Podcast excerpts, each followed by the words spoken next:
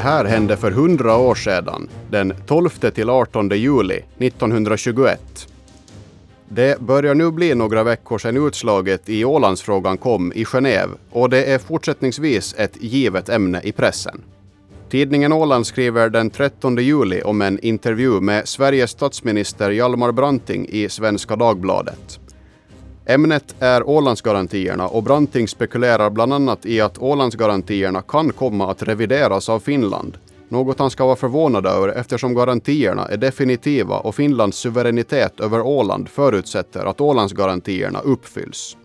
I Åbo underrättelser samma dag, den 13 juli alltså, finns en text med rubriken Rättvisa där skribenten tar upp missnöjet med Ålandsfrågans utgång.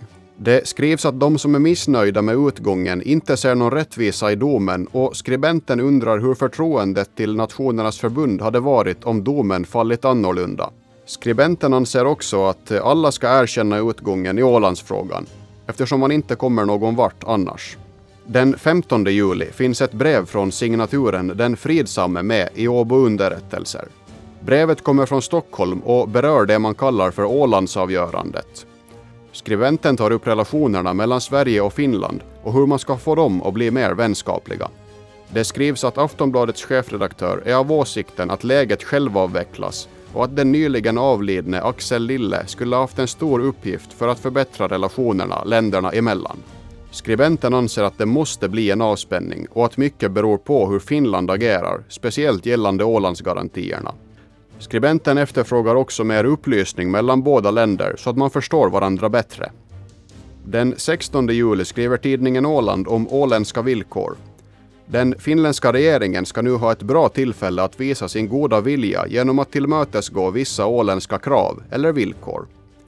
Bland villkoren finns en önskad amnesti för ålänningar som inte vill göra finländsk värnplikt och vägrar finländsk krigstjänst. Tidningen Åland anser att Ålands befolkning i de mest krävande situationer klarat av att ta hand om sig själva och att det inte behövs någon militär på Åland för att hålla befolkningen i styr. Man förväntar sig snart ett avtal om Ålands neutralisering och tidningen Ålands skribent är övertygad om att det då ingår att militär från Finland inte får placeras på Åland.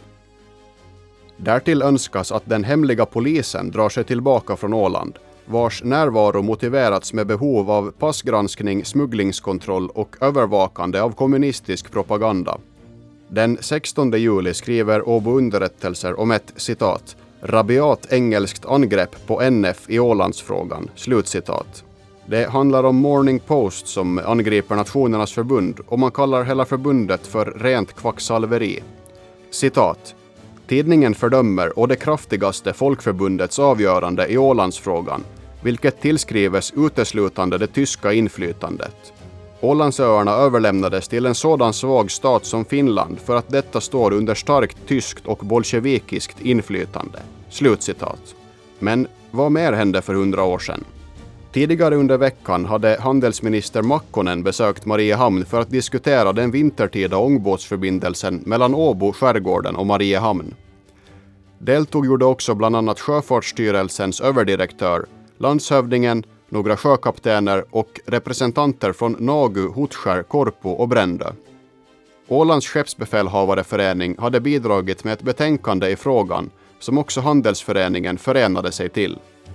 Där ingick till exempel att de fartyg som trafikerar Åbo-Stockholm kan få subventioner för att vika in via Mariehamn. Vintertid och under andra dåliga förhållanden anses en isbrytande ångare vara det bästa alternativet mellan Åbo och Mariehamn. Det föreslås att fartyget också gör stopp vid en rad olika skärgårdsöar, anpassat efter en turlista med lite olika sträckor beroende på dagar. Natten till den 12 juli så gick ett ovanligt kraftigt åskväder över Åland och Mariehamn. Tidningen Åland rapporterar att ovädret pågick från klockan 11 på kvällen till klockan 2 på natten. Bland annat slog blixten ner i en laggård i Lumparland, vilket medförde att den brann ner. I Lumparland och i Lämland rapporteras det om tre döda hästar och runt om på Åland blev det skador på telefonledningar och centraler. Det här var en del av vad som hände den här veckan för hundra år sedan. Vi hörs igen nästa vecka.